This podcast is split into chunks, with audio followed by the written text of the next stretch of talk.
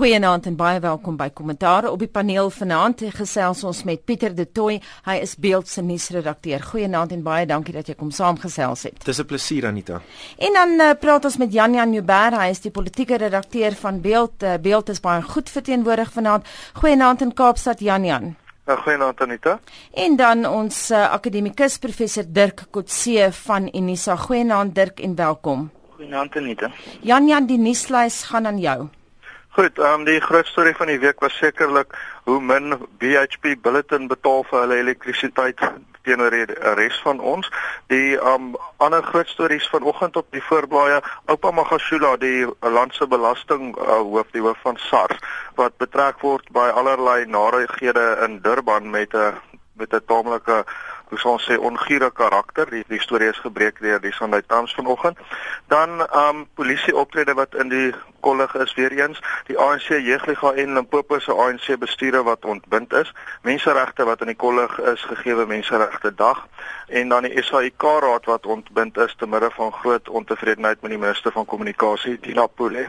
Kom ons begin by die kragprys skok, baie goeie storie wat beeld gebreek het. Kom ons gaan na jou toe eh, Pieter De Tooy, die implikasies daarvan. Anita, dit is 'n uh, uh, een van die groter stories die afgelope 6 maande beslis en iets wat almal van ons se sakke raak. Elke keer as as enige media organisasie 'n storie breek of of 'n storie skryf wat wys hoe jy as verbruiker geboor word. In hierdie geval is dit 'n is dit 'n storie waarin Jan de Lange in sake 24 al vir jare werk en dit kom daarop neer dat Eskom 'n geheime kontrak uh, geteken het in 1992 met BHP Billiton en eintlik sy voorganger die ou Gencor in gevolge waarvan sy twee smelters een in Richards Bay en een in Mosambiek belaglik min betaal vir elektrisiteit. Die kern van die probleem is dat die kontrak wat gesluit is tussen Eskom en die eh, die die die, die eh, BHP Billiton dan maak geen voorsiening vir 'n eskalasie in prys nie. Hy is volledig afhanklik van die aluminiumprys wat in Londen vasgestel word, 'n paar ander eksterne faktore, maar dit beteken dat jy as verbruiker betaal rofweg R1.40 en vandag betaal BHP Billiton vir sy uh, elektrisiteit 22 sent per kilowattuur. 'n Reuse verskil en iets wat ons elkeen se sakke raak. En natuurlik het dit ook breër ekonomiese implikasies. Ek het Vrydag op Spectrum met Mike Schuster gepraat. Julle haal hom ook aan en hy het natuurlik gesê as dit nie was vir daardie kontrak nie, sou die inflasiekoers waarskynlik laer gewees het, Pieter. Daar's verskriklik baie berekeninge wat gedoen moet word um, en ek dink dit sal vir Jan en sy kollegas by Sake 24 baie lank besig hou om vir ons presies te sê wat die impak hiervan was. Ons eergister 'n berekening gedoen dat dit die land rofweg 50 miljard rand gekos het. Dit kom daarop neer dat ons as die verbruiker het bulletin betaal is bulletin se se operasies gesubsidieer en 'n paar jaar terug het hulle nog groot winste daar gemaak, jy weet, so hulle het min betaal groot winste gemaak. Die afgelope 2 jaar maak hulle verlies. So ons betaal nou vir 'n verliesmakende onderneming ook. Ons almal weet die elektrisiteitsverskaffing in die land is onder druk. Daar word twee groot uh, steenkool aangevuurde kragstasies gebou. Ons gaan nou in die winter in. Die marges is baie klein. As ons nie die kontrak gesluit het nie of as ons die kontrak kon aanpas, is dit in alle waarskynlikheid so dat ons ons infrastruktuur beter in stand kon hou, dat daar meer elektrisiteit vir die gewone verbruiker sou wees en dat ons nie in die knyptang sou gewees het waar ons nou is nie. Ons gaan nou na Dirk toe, maar ek wil vinnig 'n vraag vir jou vra. Wat gebeur nou? Die kontrak uh, Eskom kom ons net net ter uh, billikheidshalwe moet ons ook daarom sê Eskom het nou al probeer om die kontrak te hernie of te mm. laat hersien. Hy het navraag gedoen uit in uit Nersa genader wat die nasionale energiereguleerder is in Suid-Afrika om te help om die kontrak te laat hersien. Hy was nog nie suksesvol nie want Billiton sê jy weet hierdie is 'n vaste kontrak dit geld tot in 2028. Ons is tevrede ons ons wil dit nie laat hersien nie. Wat nou gaan gebeur is die kontrak gaan hersien word. Nersa gaan dit nou publiseer vir openbare kommentaar. Ek dink daar's 20 dae wat mense het om kommentaar jaar te lewer en dan gaan dit hersien word. Daar gaan reperkusies wees of die smelters gaan oop bly of nie is 'n oop vraag, maar dit is onwaarskynlik dat ons as verbruikers minder sal betaal in die toekoms. Die ekonome en die slim mense sê vir ons dat ten beste kan ons hoop dat stygings in die toekoms nie so skerp sal wees soos wat dit uh, veronderstel is om te wees nou nie. Dirk Ja, dit bring die hele kwessie van Eskom en van energievoorsiening um, in die kollig weer. Die voorbeeld van BHP Billiton is nie 'n uitsondering nie. Daar's baie ander groot mynmaatskappye en selfs die regeringsgeboue universiteite byvoorbeeld ook wat baie in dieselfde situasie is. So dit is iets wat ek dink na gekyk moet word in die algemeen um, hoe die elektrisiteitsvoorsiening eerstens aan groot kliënte is en dan aan die ander kant teenoor plaaslike owerhede want ons as die gewone gebruikers, die individue werk deur die plaaslike owerhede. Die hoop is natuurlik dat NERSA dit beter kan bestuur uiteindelik en dat hulle meer spesifieke regulasies kan skep wat beteken dat die die diskresie op aan die op die vlak van Eskom sowel as plaaslike owerhede minder is. Ek dink die die ander faktore wat hier te sprake is is ook die die feit dat Karabassa op die oomblik nie aktief is nie as mm. gevolg van die vloed. So ons daar is druk van daardie kant. Daar's baie instandhoudingswerk wat op die oomblik gedoen is wat blykbaar nie genoeg was voor die winter nie.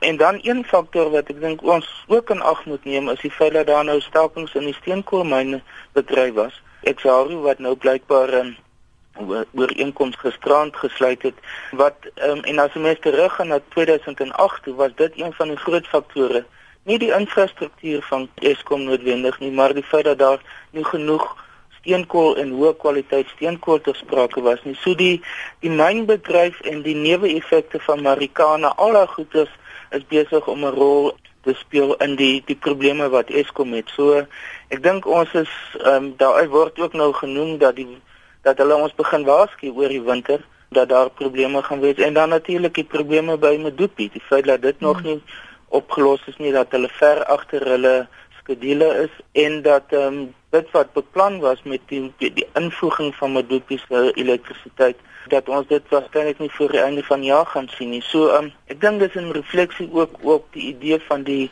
soos al Engelse peristatos die staatsondersteunende of staatsinstellings in die ekonomie en tot watter mate dit wel suksesvol is as ons kyk ook na die rol van SAL en Transnet.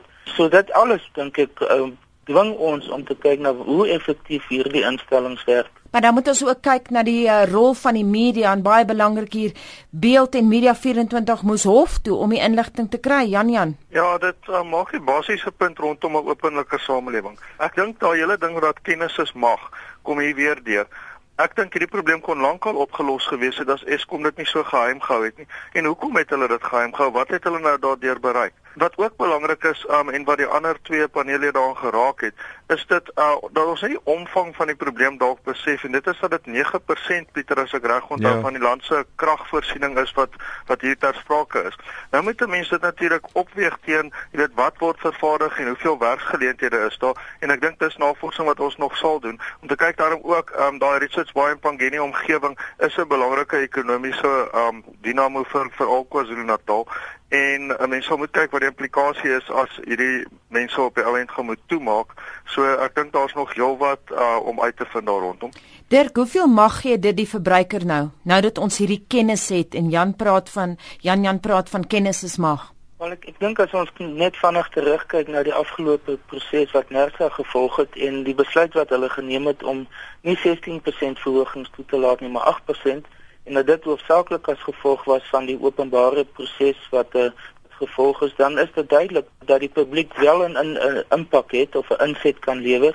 En ek dink met hierdie tipe van inligting gaan dit net beter wees. Gaan hierdie tipe van argumente wat gebruik kan word gaan meer geldig wees en dit gaan 'n groter impak hê. En ek dink daar gaan groter simpatie aan die kant wees van die besluitnemers soos Nertse om beperkings te plaas op Eskom. Ek dink dit dit is ook 'n refleksie op die die bestuur van Eskom in die algemeen dat hulle wel dit toegelaat het dat hulle in in 'n sekere sin 'n wanvoorstelling gemaak het in in in die voorleggings aan Nersa en dat hulle nie al die noodwen al, al die noodsaaklike inligting blootgestel het of beskikbaar gestel het vir hierdie besluitnemingsproses. Dirk praat van 'n wanvoorstelling en ons het uh, die aand voor die berig in die koerant verskyn het vreeslik gespeel met wat se opskrif sit ons nou op die koerant met hoe ons nou die nuus gekry het. Sê ons Eskom kroek Suid-Afrikaners, sê ons Eskom uh Suid-Afrikaners gekil, sê ons Eskom het Suid-Afrikaners bevoeter.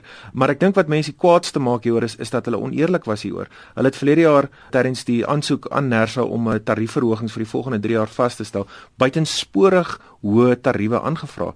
30%, 40%. Weet dit is belaglik hoog. Nou kan ons die rede sien. Hulle moes die verliese in faktor wat hulle sou gemaak het omdat die smelters 'n reuse verlies maak, omdat hulle sulke lae kragtariewe vra en omdat daai tariewe nie verhoog kan word nie. Dit was niks minder as oneerlikheid van Eskom af nie. En dit laat mense vra vra oor hierdie ek bedoel dis een van die staatsinstellings wat in die moeilikheid is. Mm. Eskom, die SAL, die SAIK gaan ons mm. later oor praat. Dit, dit opperweef vra oor uh, uh die besluitnemers in beheer van hierdie staats onderwysonderstellings op grond van wat neem hulle besluite? As ons teruggaan waarskynlik na 1992 toe, was die land se ekonomie in 'n knyptang geweest. Ons het buitelandse investering brood nodig gehad. Ons krag was destyds goedkoop geweest. Ons kon dit waarskynlik teen 'n goedkoop prys vir hulle gee. Jy weet vir baie jare is daar gespog dat Suid-Afrika die land is met die goedkoopste krag ter wêreld. Ja. Maar dat daar nie in daai eh, kontrak uh, 'n bepaling ingebou is wat sou verseker dat daar eskalasie in daai kragtarief is nie, is verstommend en vra moet daaroor ook gevra word. En dan moet mense dit ook in konteks plaas. Ons kyk nou na BHP Billiton. Hulle betaal 22 sent per kilowattuur. 22 sent vir vir vir, vir Richards Bay en ek dink omtrent 33 sent vir Mosambik. En ja. Eskom sê dit kos hom 41 sent per kilowattuur om krag te lewer. So hy maak 'n verlies, hy maak 'n ja. verlies onder kosprys. Kom ons uh, gaan vir 'n laaste woord na jou te Dirk en dan beweeg ons aan aan daardie ander staatsinstelling, die SAIK. 'n uh, Laaste woord aan jou oor die kragstorie. Ja, ek het gisterand toevallig 'n gesprek gehad met die Indiese hoofkommissaris in Suid-Afrika en toe dit vergelyk met die situasie in Indië en hulle het baie dieselfde probleme as ons. Ons kan terugdink kan relatief onlangs was daar 'n groot deel van Indië wat sonder energie gesit het.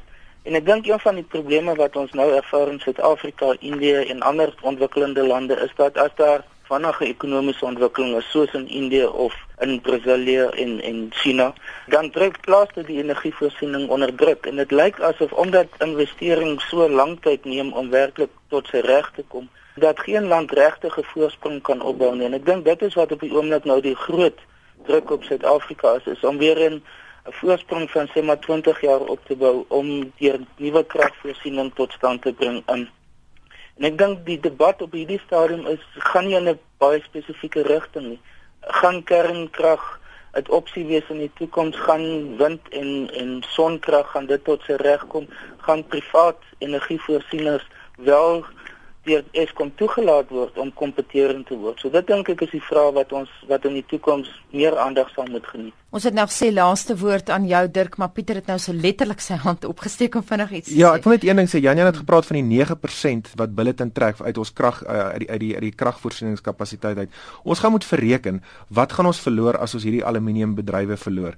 Gaan ons daai werksgeleenthede uh, uh en daai bedryf is dit so groot verlies of gaan ons dit wat ons wen deur dat ons meer krag in ons uh, uh aan in in die in die in die, in die grid het, gaan dit beter wees want hoe baie ander nywerhede lê onder die feit dat ons daaraan nie genoeg krag is nie. Ons gaan ons gaan daai twee goed moet verreken, maar dit sal nog gebeur. Kom ons beweeg aan na die SAIK wat die week ook weer eens in die kollig is en ek gaan hier vir jou die bal eers te gee Jan Jan in Kaapstad. Ja, ah, wel die probleme blyk grootliks in Johannesburg te wees, maar ehm um, die SAIK raad is ontbind. SAIK raak vir my so klein bietjie soos koop, jy weet. Jy weet so half dis 'n gemors en jy wonder net wie se arm maar volgende persoon wat die bal gaan moet vang. In hierdie geval is dit um vyf mense wat bereid was om dit te doen. Dis dis vier mense van wie ek nie eintlik weet nie. Zandile Chabalala, Nolutando Guza, Vusumsi Mavuso, Ronnie Lubisi en dan ken mense die ekonom Eras Obedient. Mm. Nou ek's baie baie verbaas dat Eras Obedient gesê het hy sal dit doen want dit lyk vir my soos 'n hospitaalpas soos hulle in rugby sê om op hierdie stadium vir SAIK raad te land. Hy's ook die enigste een wat deur die oppositie voorgestel is. So mense sal moet kyk. Dit lyk vir my soos 'n klein bietjie Pieter het verwys na Crooks Cowboys en Crooks wat gespeel word in daai raadsale en mense hoop regtig dit gaan beter raak as 'n klomp geld van die belastingbetaler wat daarin is. Dis 'n klomp mense wat nie satelliet TV het nie wat afhanklik is van die openbare uitsaai. En radio en, en radio natuurlik. Ja, en ek wil radio luister ons almal na die heeltyd. Maar radio lyk vir my so half of dit nie soveel geraak word soos die sirkus wat mense sien in die TV nie. Maar in elk geval, mense hoop regtig dit gaan beter gaan want want dit kan nie aangaan soos dit aangaan nie. Dan moet mense darem ook sê dat uh, Pippa Green 'n pluimpie uitgedeel het vir RSG Pieter. Ja, Pippa Green het volgens 'n rapport geskryf uh, dat dit lyk asof RSG grootliks onaangeraak word deur die uh, uh turbulensie in die, in die, in die raadsale nie. Die probleem hiermee is is dit nou die derde of die vierde keer wat die raad ontbind word sedert uh sedert 2007 sedert Tabo Mbeki verloor by Polokwane.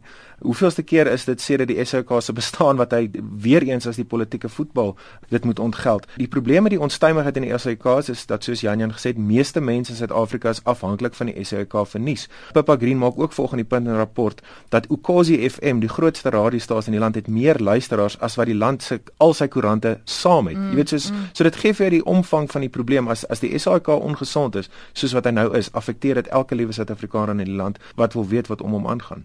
Ek dink ook Dirk mens moet dalk net uh, dit alles in historiese konteks plaas en hier het uh, Songezo Zibi in Mailing Guardian 'n interessante artikel geskryf wat hy gesê het dat wat nou gebeur is maar net herhaling wat die Broederbond gedoen het eers met die aanstelling van advokaat Gideon Roos.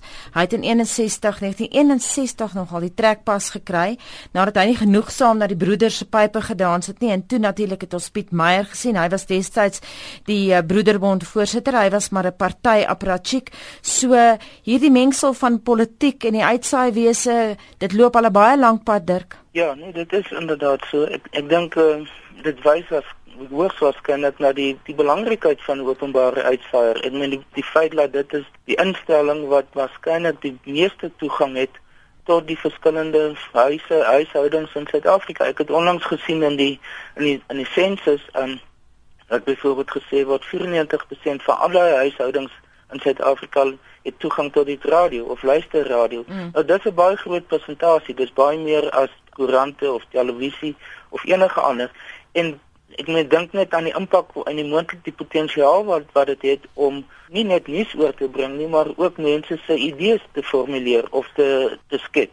Ehm um, so ek dink dat daar 'n baie duidelike besef dat dit is 'n die SAK het 'n magtige faktor in 'n verskeidenheid van uh, terreine, vanaf die politiek, die ekonomie, godsdienst en so meer.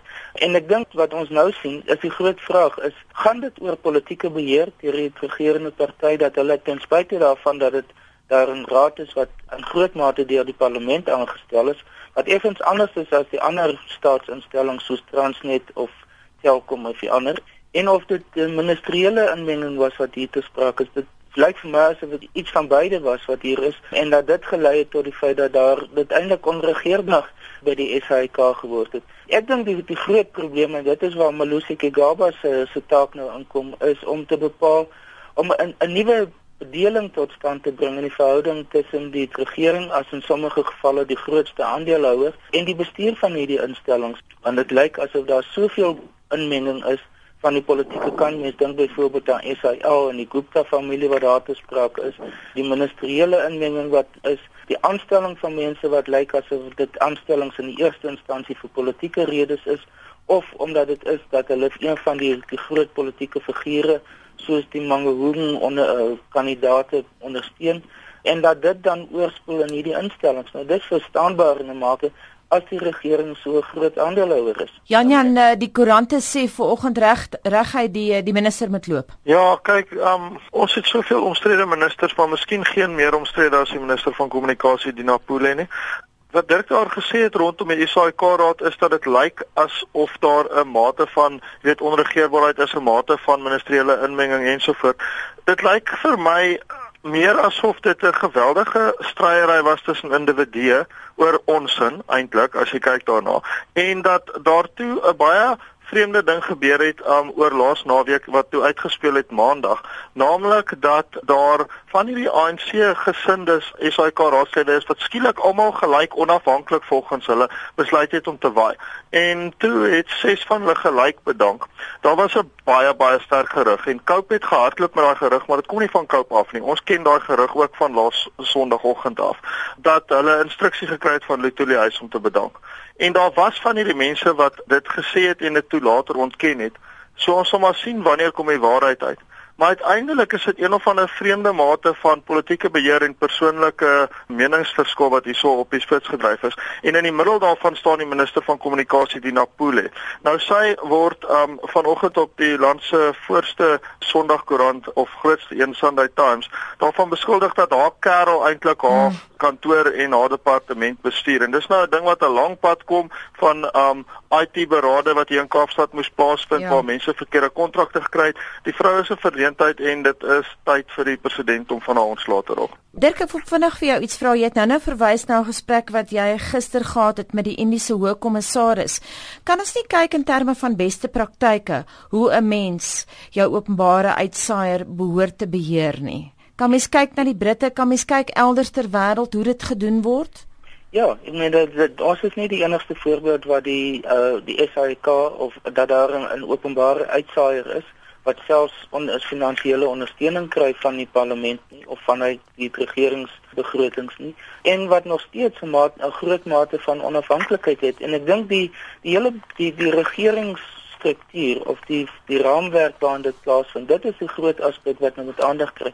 Julle op die grond wat die die werk doen, ehm um, die regisseurs is nie noodwendig is nie by hierdie sake betrokke nie. Men julle is op 'n laer vlak, maar dit dit gaan oor die die oor hoofse bestuur en die die verband wat dit het met die regering byvoorbeeld en hulle ander aandeelhouers. En ek dink dis die groot aspek waar ons maar daar was 'n debat gewees vroeër oor die skeiding tussen ANC figure en die besigheidswêreld en ek dink 'n soortgelyke tipe van debat moet nou begin word oor wat moet die verhouding wees tussen die regerings en die staatsbeheerde instellings in die algemeen.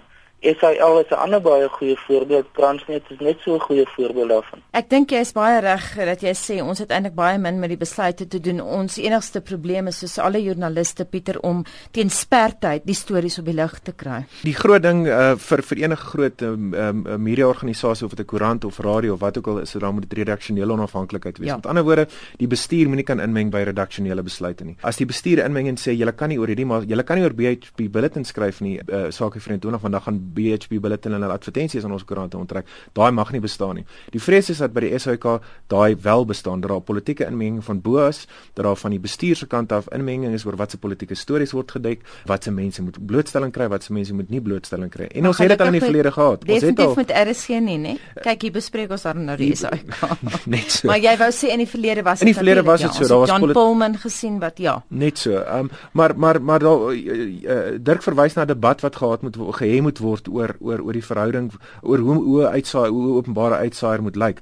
Daai debat in die ANC is reeds afgehandel. Die ANC die SAK is vir die ANC te veel van 'n aanloklikheid om uit te los. SAK is te strategies belangrik dat die ANC nie sal probeer om invloed uit te oefen hierson nie. 'n Paar jaar terug, ek dink 2 jaar terug is die voorgestelde wet op die op openbare uitsaaiwese voorgelê. Daarin is is is is 'n voorstel gewees dat die minister moet meer magte hê om bestuursbesluite in die SAK te kan neem, wat totaal ongehoord is. Die regering is 'n is 'n is 'n is 'n stille vernoot, is die enkele aandeelhouer. Hy kan nie die die minister kan nie inmeng by die SAK nie, net soos vir die SAK se bestuur nie by redaksionele besluite kan inmeng nie en die vrese bestaan dat as die uh, turbulensie in die raadsale voortduur, dan word daai skeidslyn tussen die bestuur en die redaksie al hoe vaar. En jy sien dit wat dit lekker maak uh, om te verstaan hierso is die onderskeid moet eintlik maar val tussen regering en staat, né? Um, die regering is maar net tipe van die die toesighouer oor die staat, die die mense wat op daardie stadium die staatsmasjinerie aan die gang moet hou. So binne 'n liberale demokratiese opset is dit veronderstel om te wees dat die staat is die groot groep mense, soos die mense wat by RSG werk wat nie 'n spesifieke politieke affiliasie nastreef nie. Die regering is maar net die politici wat soort van moet kyk dat alles regloop. Maar dan kom die regering en meng in by die staat en dis wanneer die probleme ontstaan. Tyd om te kyk na die ANC Jeugliga se nasionale uitvoerende komitee wat ontbind is. Dis natuurlik aangekondig maandag deur Gwede Mantashe en interessant Jan Jan ek wil by jou bly vir oomblik. Ayanda Sobi het gesê 'n tussentydse struktuur sal nou gevestig word om toesig te hou oor die organisasie. Kommentaar van jou kant af. Wel, kyk, um die teenstand teen president Zuma in die aanloop tot Mangaung het veral gekom wat blokstemme betref uit drie blokke uit. Dit was Limpopo, dit was um die Jeugliga en dit was Noordwes. Daar was ander provinsies soos hier in Wes-Kaapland en ek dink ook in Gauteng waar um president Zuma nie 'n meerderheid gehad het oor Galema Motlanthe nie, maar byvoorbeeld in die Wes-Kaap was dit 99 teen 90, so dis naby. Die blokstemme het uit daai drie blokke uitgekom. Twee van daai drie blokke is nou ontbind. So met ander woorde, jy sal jou plek ken in Limpopo, jy sal jou plek ken in die Jeugliga of ons sal nooit weer van jou hoor nie. En ek dink dis maar basies wat hier gebeur het. Mense kan nie sê dat Limpopo goed bestuur is nie en ons almal weer die Jeugliga se verleentheid. Mm. Maar hoe op aarde is dit anders as die regering in Mpumalanga? waar dinge gaan soos dit gaan of die regering in die Oos-Kaap wat nouliks funksioneer. Die verskil is daai mense is lojaal aan Zuma so hulle is nog in hulle plek. Kom ons vra daai vraag aan Dirk, stem jy saam met uh, Jan Jan se antwoord op sy eie vraag? Ja, ek stem in 'n groot mate saam. Ek dink dit is ek meen die een, een faktor wat nog bygebring moet word is Zelandima Wawi en Kusatu. Hmm. Um, wat lyk nou ook onder baie groot druk is van die Zuma kant om van hom ontslae te raak. Dink in die geval van die jeugliga was dit nou dat ehm um, dit baie naby aan 'n aan 'n geleentheid kom waar dit moontlik is dat daar 'n terugkeer kan wees van pro Malema groep uh, mense binne die jeugliga en dat president Zuma dit wou wou probeer verhoed. En men die die geskorste vorige sekretaris-generaal Sindisu Magaka, hy is veronderstel om nou sy periode uit te gedien het en en dat hy kan terugkom.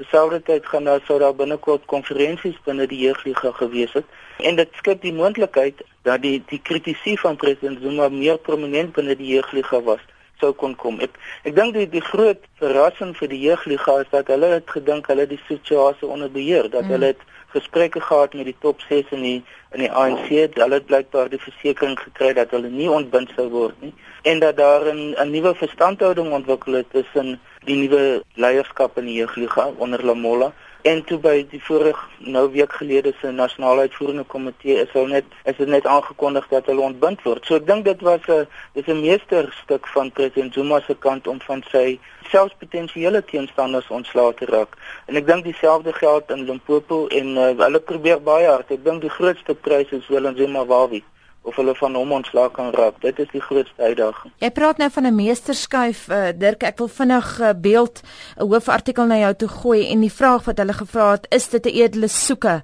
na meer etiese leierskap of eerder 'n wyse vir president Jacob Zuma om sy mag te konsolideer? Dit klink vir my asof jy klaar half daardie antwoord tussen die lyne gegee het. Ek ek dink wat die meeste mense nie noem nie, want daar is 'n baie snaakse kunsmatige kalmte en stilte wat daar sê dat Mangoon eintlik bestaan is dat president Zuma sekerlik die die mees effektiewe politikus is, is om sy eie politieke posisie te konsolideer in 'n groot mate is hy met 'n skoonmaakproses die Engelse woord van purge dink ek beskryf dit nog beter.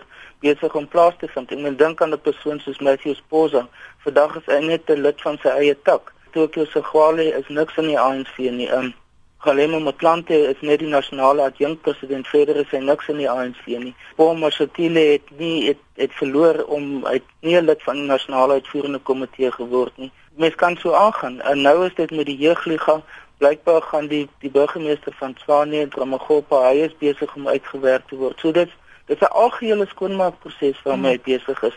En ek dink hierdie skuwe met Limpopo en die jeugliga is 'n groot deel daarvan.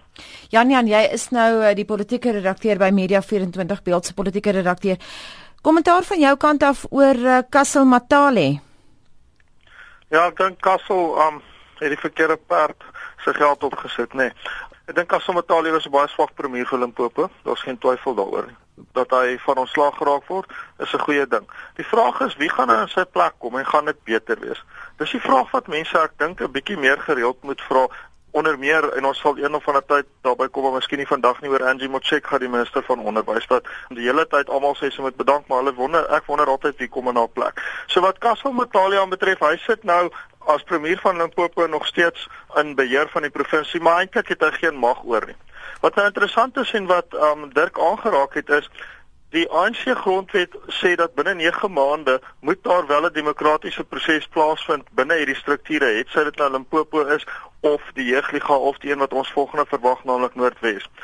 Oor 9 maande gaan mense stem vir leiers in daai posisies. Dit gaan 'n vuil geveg wees. Daar's nou geen twyfel oor nie. Maar ek wonder nogal wat gaan president Zuma doen as al hierdie plannetjies en plannetjies en plannetjies van hom nie uitwerk nie en die jeugliga kies 'n pro-Malema groepering of Limpopo kry maar nog steeds 'n tipe van 'n populis links um leierskap. So dis 'n groot risiko wat hy neem in hierdie skoonmaakproses of die purges of die Duitse woord putsch is 'n beter woord mm. um wat besig is om in die ANC af te speel. Pieter, ek sien ons kollega Pieter Amperi het reeds verlede donderdag al geskryf dat uh Kassel Matale probeer het om 'n ooreenkoms met die ANC te sluit om sy eie politieke posisie te probeer verstewig en te konsolideer. Dit was eintlik baie pateties toe Castle Matale uh, uiteindelik nou verwyder is en daar was 'n perskonferensie na die tyd gewees en ek dink is Slingiwe Mkhize Jan en ek kan nie onthou wie die deployee van die NK wat daar ah, was nie. Ruth Bengo. Ruth Bengo toe sit hy langs aan hy sê jy weet hy hy was eintlik verkeerd geweest dat hy uh, president Zuma se se se kollegas uitgewerk het voor die tyd voor Mango en jy weet hy moes dit nie gedoen het nie. Jy weet so so na die tyd probeer hy boete doen en sê hy is jammer Maar president Zuma het nog nooit so sterk gestaan soos wat hy nou staan nie. Jy weet hy dit is sodat hy berekende kansse vat om skoon te maak waar hy waar hy wil skoon maak, maar hy het nog nooit so sterk gestaan soos nou nie. Jy weet hy het 'n oorweldigende oorwinning by Mangaung gehad. Hy het van al sy vyande ontslaag geraak en hy het sou hy wou, het hy 'n absolute mandaat om te doen wat hy wil. Uh sy enigste groot teenstander of sy grootste teenstander binne die alliansie uh, is Willem Zuma waar wees onder geweldige druk word glo ondersoek vir finansiële ongeruimthede en hy keer vir sy eie paaltjies. Hy het, hy het nie tyd om om om om nou vir Zuma voorstok te kry oor oor sy swak regering en en en die swak vertoning van die ANC regering nie. Ons het nie baie tyd oor nie. Ons moet praat oor die stand van menseregte. Ons het gesien dis menseregte dag natuurlik die herdenking van Sharpeville 69 mense daar dood. Maar 'n interessante ding dat menseregte toenemend gaan oor dienslewering. Dirk uh, Mailing Guardian het ook geskryf human rights in their broad and interdependent sense must be the lodestar of policy and to forget that is to forget who we are. Dit gaan terug na wat uh, van Sel Slabbert al destyds gesê het, nê.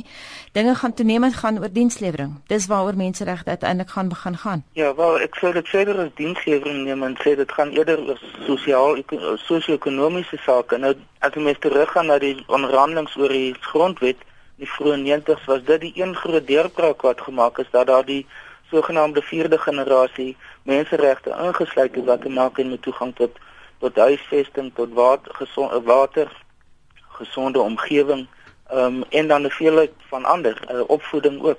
So dit is definitief 'n kenmerk van die Suid-Afrikaanse grondwet en van hoofstuk 2 wat spesifiek oor die menseregte handel.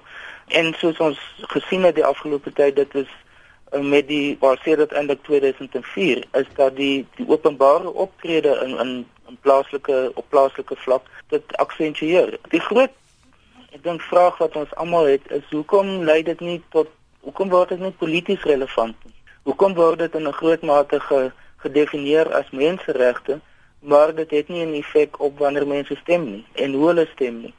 So dit is definitief 'n aspek wat baie besonder besonder klem ontvang in die Suid-Afrikaanse konteks. Die Menseregte Kommissie gee ook meer aandag. Hulle byvoorbeeld gesê dat verlede jaar was daar groot komplagtes om mm. 140 oor water, die kwaliteit van water wat mense kry, maar dan ook die ander aspekte wat verlede jaar baie sterk beklemtoon was was probleme oor rasisme en polisie wreedhede wat weer eens nou nie noodwendig die sosio-ekonomiese aspekte direk uh, aanspreek nie. So dit is ek sou sê 'n mengsel van die twee. Daar's nog steeds politieke en en politiek verwante sake wat bespreek is en dan individuele regte van mense as dit gaan oor toegang tot inligting, die media, rasisme, die polisie en ander aspekte ook daarvan. Net vinnig na Jan Jan toe, Dirk het nou tereg verwys na die 144 klagtes oor water die afgelope 2 jaar wat ingedien is by die uh, eh, MRK, maar ook natuurlik Jan Jan in Mei Verlede jaar het die kommissie bevind dat die inwoners van Ramelotsi naby Viljoenskroon in die Vrystaat 'n punt beet het as hulle sê dat hulle menseregte geskaad word oor die oop toiletsage. Hulle het meer as 'n punt weet. Ek meen hulle het alle rede om te kla. Dit was die DA raadslid vir daai omgewing wat die klagte ingedien het.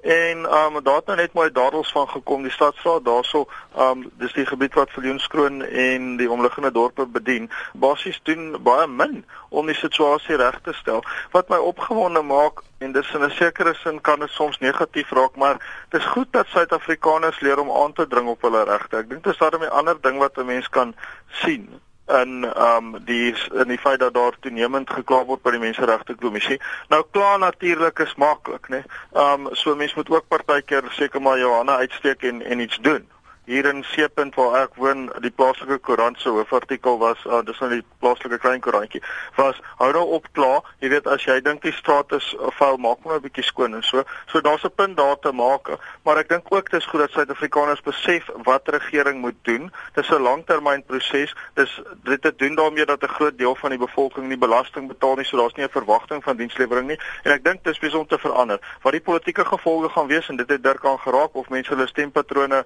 gaan verander verander, dit is 'n 100 miljoen dollar vraag. Pieter net vinnig 2012 is as die slegste jaar vir menseregte uh verkies deur verskeie menseregte organisasies. Dis nou die slegste jaar sedert 1994. En vir ons is daar net een woord waar dit beslag vind en dis Marikana, né, waar 34 mynwerkers doodgeskiet is waar hulle waar waar waar die polisie absoluut op hulle menseregte getrap het. Maar Jan Jan sê mense eis hulle regte op en dit is so. Mense gaan hof toe.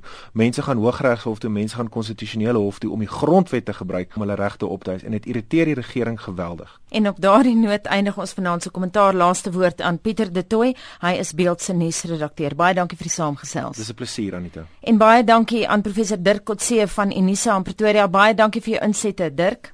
Baie dankie Anita. En dankie aan Jan Jan Joubert, politieke redakteur by Beeld. Dankie. Dankie Anita, dis 'n voorreg.